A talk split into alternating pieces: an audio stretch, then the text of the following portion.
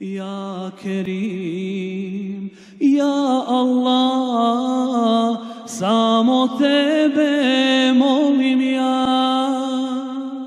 Zaći moja duša žudi u džennetu tvom imam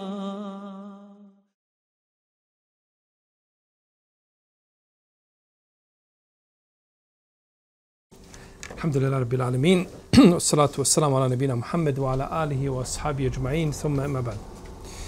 Mi smo u našem zadnjem predavanju stali, stali kod a, gdje smo stali? To je zadnje o čemu smo govorili, je tako?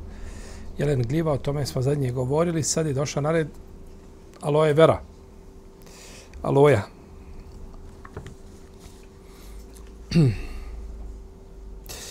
Rubej bin Wahb kaže, krenuli smo sa Ebanom ibn Osmanom radijallahu anhu, au rahimahullahu ta'ala, kada smo stigli do mjesta Melel. Omer ibn Ubajdullah se požalio na bol u očima. Kada smo stigli do mjesta Reuha, taj bol je bio još jači. Pa je poslao nekoga do Ebana ibn Osmana da ga upita u vezi s tim, a on je poručio da namaže oči aloni, alojinim sokom, jer je Osman radijallahu anhu prenio od poslanika sallallahu alejhi ve selleme da je nekom čovjeku dok je bio u obredima nakon što se požalio na bol u očima namazao njegove oči alojom. Tako je zabilježio imam muslim u svome sahiju. kaže imam neovi, kaže učenjaci su složni u mišljenju da je dozvoljeno muhrimu da namaže svoje oči a i stavi obloge od aloje, mm, ali pod uslovom da dotična obloga nema u sebi miris. Znači nema nešto što sadrži miris. Ne smeta da miriše. A, ali ne sadrži šta? Nije sve što miriše miris. Jel cvijet miriše? Jel neko natrlja se cvijetom da se na, na, na, na miriše? Nije sve što miriše, nije miris, tako da ne smeta muhrimu jel tako ovaj da koristi šampon koji ima u sebi nekakve biljne preparate. Nego ne smije koristiti ono što ima miris. Što piše i u sastavu tamo između ostalog da piše da ima parfem, tako nešto. Jel? Što je miris.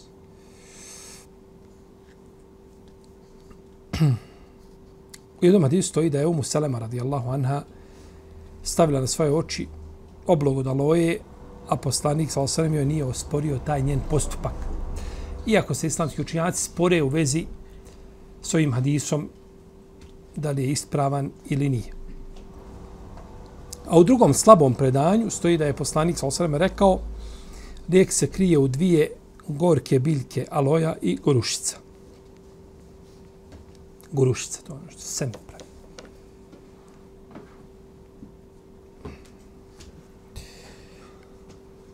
Kada reč o aloji, posebno ističu, ili se posebno ističe indijska i perzijska aloja, i koje se koriste za liječenje različitih bolesti.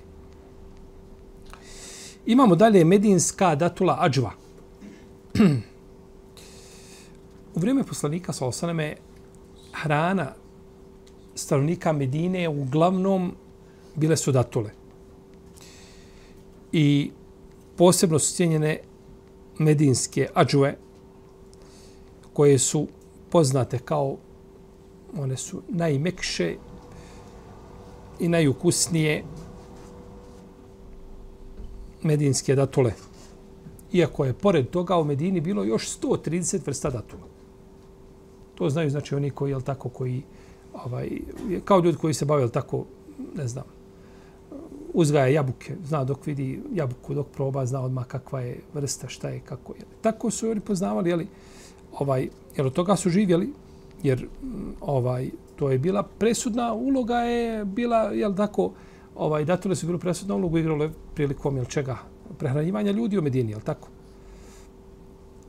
Ono što je pšenica bila za stanovnike Šama, to je datula bila za stanovnike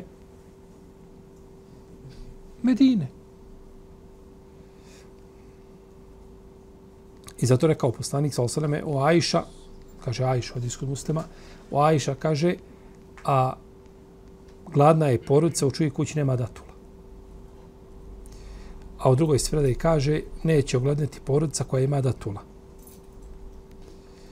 Pa je, naravno, možete okazati kako kod nas nema datule, po tri godine mi nema ni jedne datule, u kući nisam gladan. To se odnosi upravo na ta podneblja gdje se degdatula osnovna hrana. Mi kad on kaže, gladna je porodica u čujoj kući nema hljeba. Je tako? Pa jedno mi jedemo, tako jedemo i sa rižom i krompirom jedemo hljeb. Bez hljeba eh, nema hrane bez hljeba, je tako?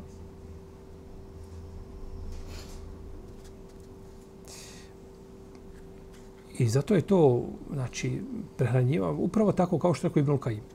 Stanovnici Šama koristili pšenicu, ovi koristili datule.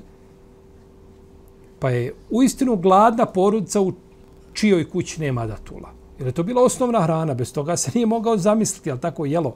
Ovaj, ništa ne može doći na mjesto datula, a datule mogu zamijeniti šta? Drugu, drugu hranu. Ej, baš tako.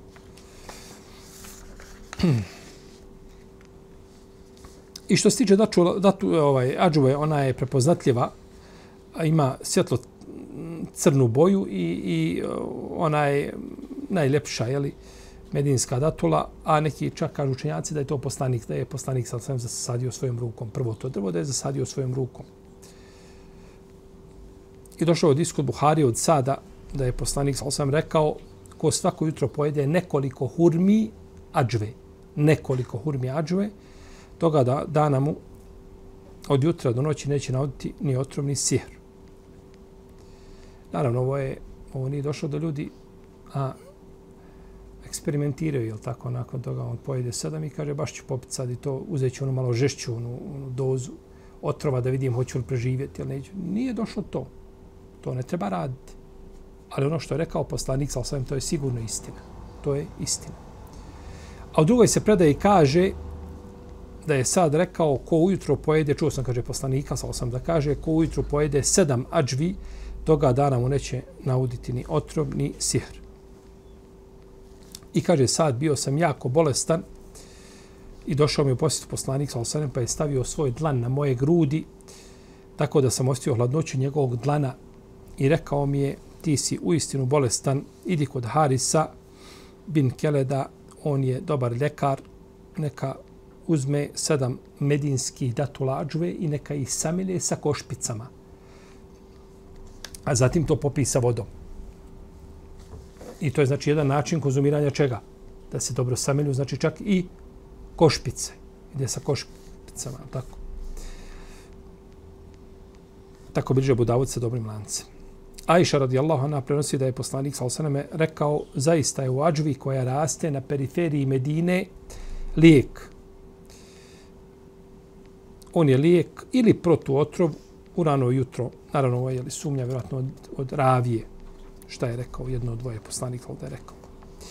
I Ebu Horira prenosi da je poslanik sa osaneme rekao Ađva je iz dženneta i ona je lik protiv otrova. I to bilježi imam Tirmizi Ebu Dawud sa dobrim lancem.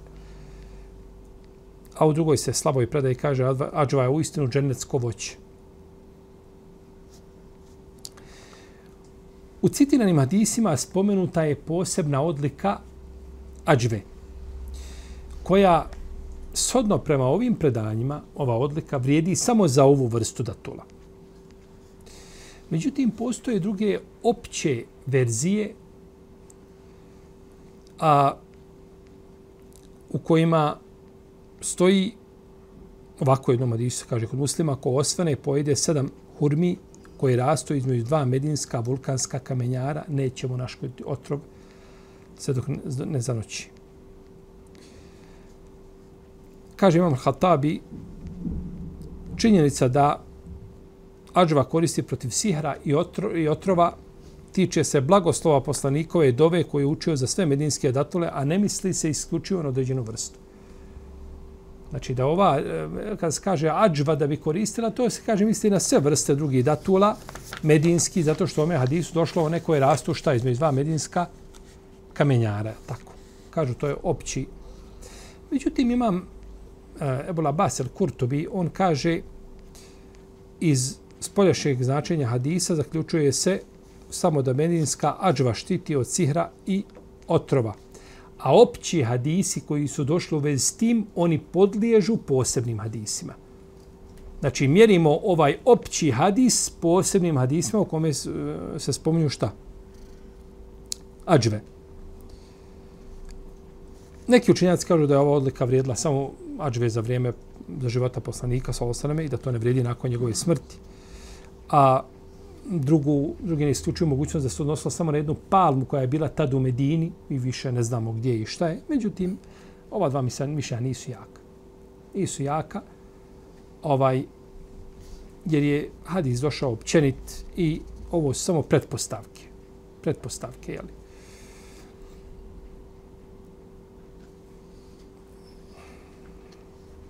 Kaže vam Neovi, konzumiranje sedam datula ađve koje se spominje u citiranim hadisima vredi isključivo za ovu vrstu hurmi. Što se tiče samog broja, o tome nas kaže nije obavijestio zakonodavac. O tome nas je obavijestio zakonodavac što se tiče broja, a što se tiče mudrosti, kaže to je nedokučivo našim razumima. Kaže kao i broj namaza, zašto klanjamo pet dnevni namaza i nisab za zekijat i jel, zašto je dva i po posto. Zašto nije više?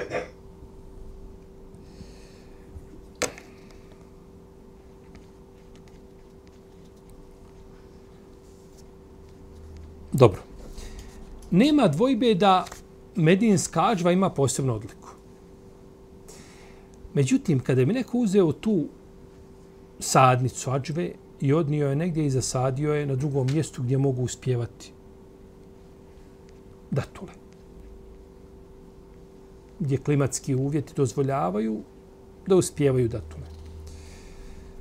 Da li bi ti plodovi koji sazviju na drugom mjestu imali isti, isti efekt kao ovi u Medini. Po svemu sudeći da to vrijedi samo za Medinu. Samo za Medinu. Kaže se u hadisu, koje rastu između dva medinska vulkanska kamenjara. Pa je vezano za šta? Za? Za mjesto, za zemlju. A. I nije poznato da su, zato da su muslimani nosili te sadnice pa i sad na drugom mjestu. Što kazuje da je to razumijevanje bilo što tiče, tiče čega? Medine. Pošto što Ibn Kajim kaže. Vidite. Kaže, nema sumnje da mjesto iz koga potiče određeni lijek igra suštinsku ulogu u njegovoj djelotvornosti.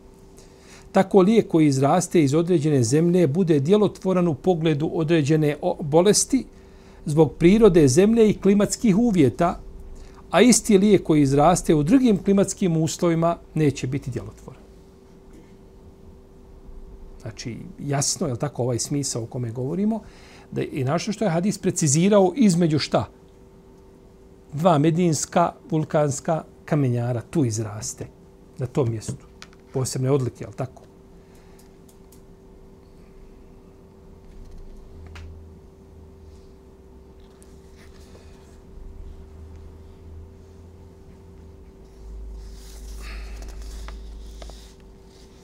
Urva ibn Zubair kaže da je Aisha radijallahu anha preporučivala osobi koja osti vrtoglavicu da sedam jutara uzastopno uzme po jednu datulu ađve na tašte.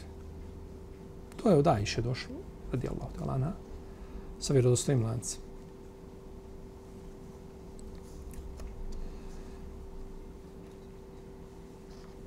Dužnost je čovjeku vjerovati sve što je rekao poslanik sallallahu alejhi ve sellem. je došlo što je došlo od njega u zabilježeno vjerodostojno, dužno su to vjerovati. Jer iako medicina ne potvrdila to, medicina nije u svemu dostigla svoju kulminaciju.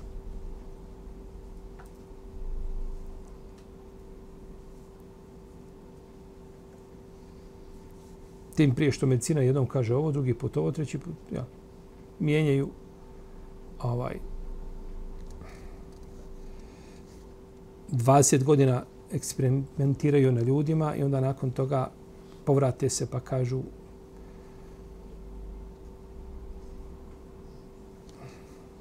nije tako, pogrešno.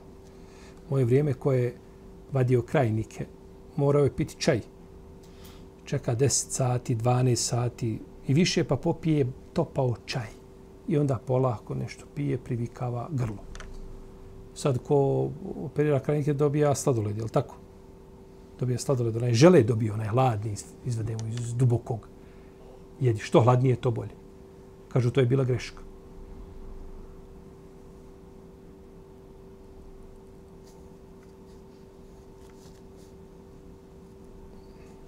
Ne znam da li svugdje tako, ali svojim sam očima gledao kada pacijentu donesu da pojede žele iz friždera nakon operacije. A u naše vrijeme su davali onako nešto. Nakon. Znači, ne možemo mi na medicina, medicina potvrdila nešto nije, ne, nije što nije u skladu sa hadisom. Medicina je pogrešila, nije hadis pogrešio. Nemoguće da poslanik kaže nešto da pogreši. Sallallahu ala rasulina. Ili nismo dobro razumjeli hadis, pa nismo uspjeli spojiti hadis i nauku. Ali nemoguće je da bude greška u hadisu. Da se umet složi da je hadis ispravan i da bude greška u hadisu. To je nemoguće. Ta opcija ne postoji. Prenosi se kod Tirmizije i kod Ebu Davuda da je poslanik sallallahu alaihi wasallam volio jesti lubenicu i svježe datule istovremeno. Lubenicu i svježe datule. I sa lubenicom, vezi s lubenicom imamo nekoliko hadisa. Svi su daif osim ovoga hadisa. A nama ne trebaju sahih hadisu, pogled toga, ali tako? Naravno što ljeti. U drugom hadisu stoji da je Abdullah ibn Džafar radijallahu anhu rekao, vidio sam poslanika, sa osam kako jede krastavice sa svježim hurmama. To je došlo kod Buhari kod muslima. Dobro. Imamo dalje, imamo indijski kust. Kust je biljka koja raste u Indiji. I dostiže visinu do metara i pol. Ima stabliku, cvjetove i listove a korijen ove biljke koristi se u svrhe liječenja. I u vezi s tim navode se hadisi u sunetu poslanika Solosaneme. I postoje dvije vrste kusta. Postoji a, bijeli ili morski kust i indijski kust. Neki kažu da se radi u istoj vrsti, da je to jedna vrsta. Samo različiti šta? Nazivi.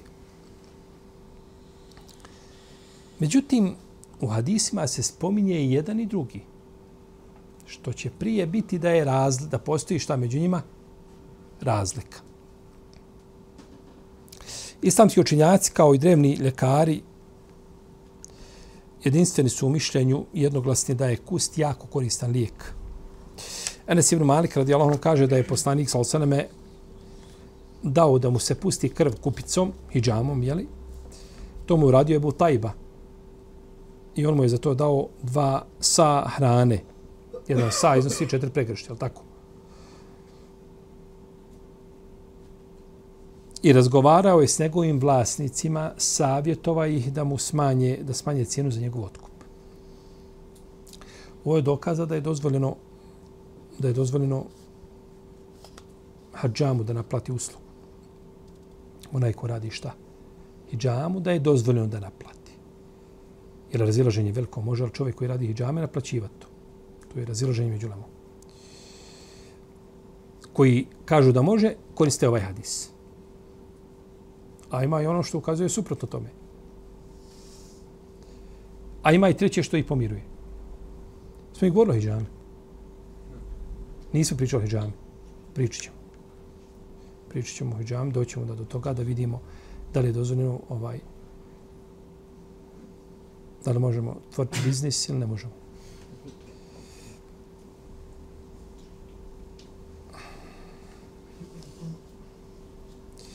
Pa je poslanik sa osvijem savjetovao njegove vlasnike da smanje mu a, a, ovaj a, otkupninu njegovu. Da ga može lakše neko šta osloboditi i da bude slobodan. I rekao je poslanik sa osvijem tom prilikom, najbolje čime se može liječiti je puštanje krvi pomoću hijjame i morski kust. I rekao je, ne mučite svoju djecu istiskivanjem e, zagnjojena, zagnjojena na nepcu znači kada se zagnoji, da se to pritišće dok, dok ne iziđe gnjoj, kaže, a, nego za to koriste kust. I većina onih koji ispisali o kustu daju prednost morskom nad indijskom kustu. Indi nad indijskim kustom. A, zato što je poslanik rekao najbolje čime se možete liječiti. A, a morski kus spomenuo, pa vjerojatno da je s te strane data mu prednost. U hadis koga prenosi Džabir radijallahu anhu stoji da je poslanik sa osaname ušao kod umu Seleme, a kod nje je dječak kome je curila krv iz nozdrva. Poslanik sa osaname upitao je šta mu je, kažu ima grlobolju Allahu poslaniće, kaže zašto mučite svoju djecu, dovoljno je nekoj od vas da uzme indijski kust, izrenda ga sa vodom sedam puta, potom lijek saspe u njegova usta. I tako su postupili, pa je dijete ozdravilo. Znači ovdje je došlo i način šta korištenja tog kusta. Tako bilježi imam, Ebu, imam Ahmed i Ibn Bišebe sa vjerodostojnim lancem.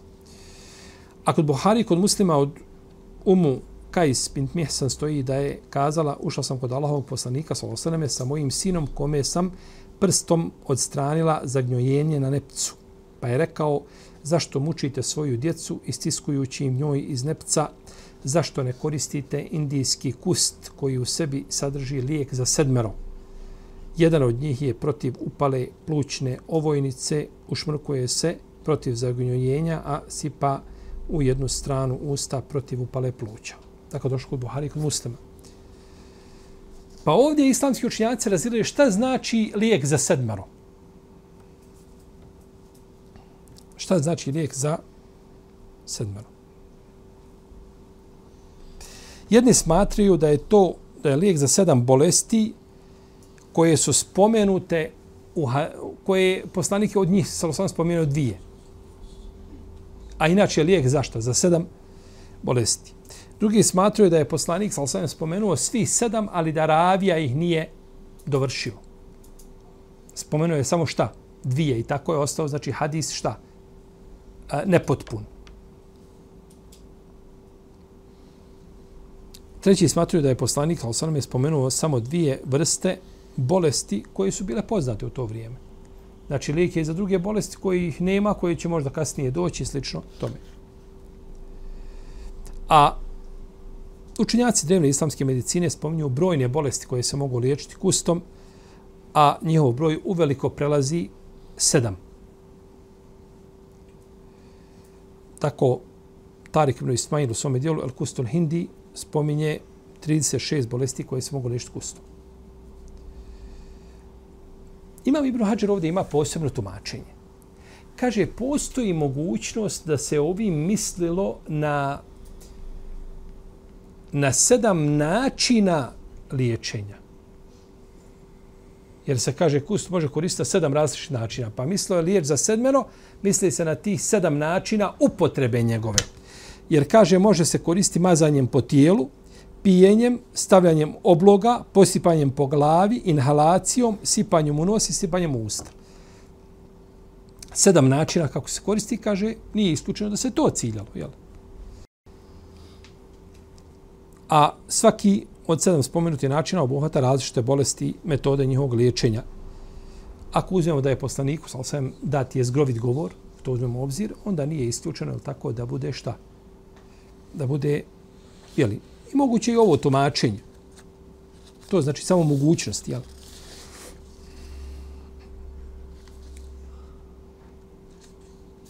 I postoji mogućnost da se ovaj riječima lijek za sedmero nije ciljao broj sam za sebe. Već se ciljala brojnost i mnoštvo.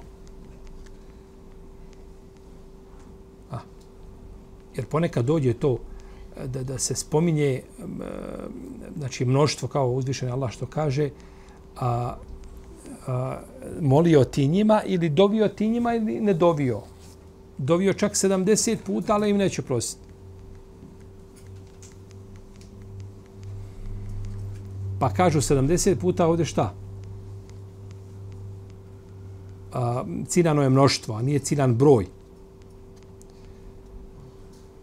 Jer tako se u omajetu, jel to odnosi na mnoštvo po jednom mišljenju. Pa ako bi protumačili hadis na ovaj način, tada je isključena mogućnost bilo kakve nejasnoća u vezi sa značenjem brojem broja 7. Pa se time htjelo ukazati da kust liječi šta brojne bolesti. To se tijelo ukazati. A Zaid ibn Arkam radijallahu kaže, naredio nam je Allahov poslanik sa osaname da upalu pluća liječimo morskim kustom i uljem. Razilaze se učenjaci u vezi s ovim hadisom. Neki su ga prihvatili, drugi odbacili. A kod muslima od umu Hadije, od umu Atije stoji da je poslanik Salosaneme zabranio da, da se žena eh, da parfemiše, da koristi parfem, miris. To je dok se nalazi u pričaku, nakon smrti muža. Ona se neće mirisati.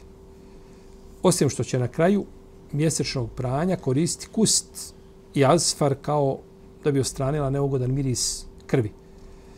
Pa je u ovom hadisu kust spomenut ovaj, nije spomenut kao lijek, nego je spomenut kao sredstvo za čišćenje. Imamo isto tako telbinu. Telbinu. Ko je čuo za telbinu? Telbina je rijetko, rijetko se ovaj spominje, tim prije što kod nas to i ne koristi. Uglavnom, telbina je poznati lijek, a glavni sastojci su brašno, brašno i mekinje i voda. U smjes se dodaje po nekom mišljenju med, ovaj, ili mlijeko, ili eventualno loj, ovisno o načinu pripreme. A nazvana ovim imenom zato što liči mlijeku po svojoj boji. I zato što se, ili zato što se u nju miješa mlijeko. Jel? Ajša radijallahu ono kaže da je poslanik sa osaname rekao telbina smiruje srce bolesnika i oblažava tugu. Imam neovi kaže telbina odmara srce, ostranjuje tugu i od njega eh, ostranjuje tugu od njega i čini ga raspoloživim ili raspoloženim, kako god. A u jednom adisu stoji koji je slab, držite se telbine korisnog lijeka koga prezirete. Ova mliječna smjesa ili čorba, kako god da je nazovemo, ublažuje tugu zahvaljujući svom sadržaju koje podiže raspoloženje čovjeka. Jer postoje nabirnice koje pozitivno utiču na raspoloženje, tako kaže Ibn Kajim. Imamo maslinovo ulje. Ljudi su poznali maslinovo ulje od davnih vremena i koristili ga kao lijek i koristili ga u svrhu zdrave ishrane. I uzvišen Allah spominje to u Kur'anu na nekoliko mjesta. Od tini u zejtu.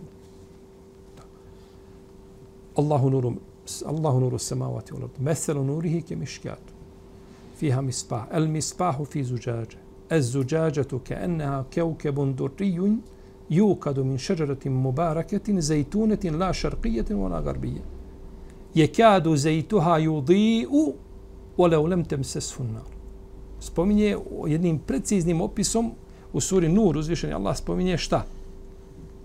A, maslinovo ulje. I spominje se u drugim ajetima. Došlo od Omara radijalom da je poslanik sa osam rekao jedite maslinovo ulje i mažite se njime jer, jer je ono od blagoslovljenog drveta.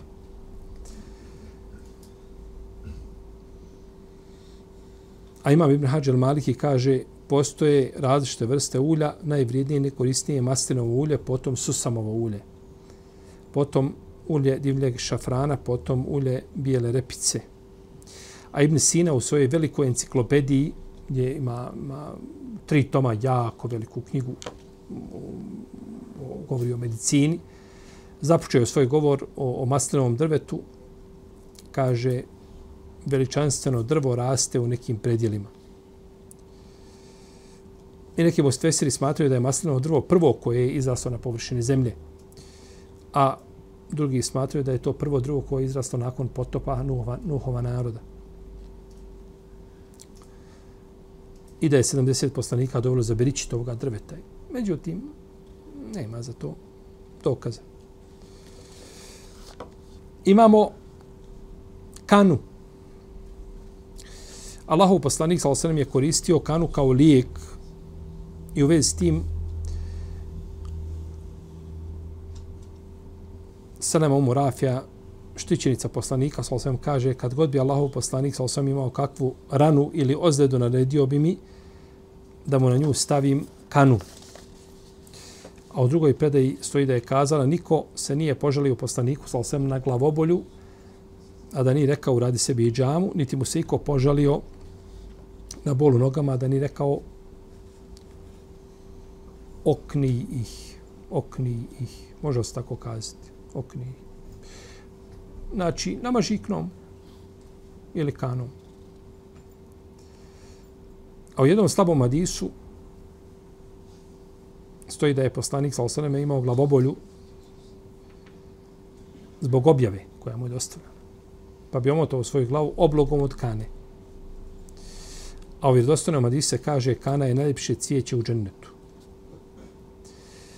I bilježe Tirmizi Ebu Davud od Ebu Zara da je poslanik sa osanem rekao kana i mečkovac su nešto najbolje čime mogu čime se mogu okrenuti slijede sjede vlasi. Ajša radi ono kaže da je neka žena pružila pismo poslaniku sa osanem iza zastora pa je, pa je kada je pružila on je povukao svoju ruku. Kaže ne znam da li je to muška ili ženska ruka. Pa je rekla ženska kaže da si žena ti bi svoje ruke namazala knom. Kaže,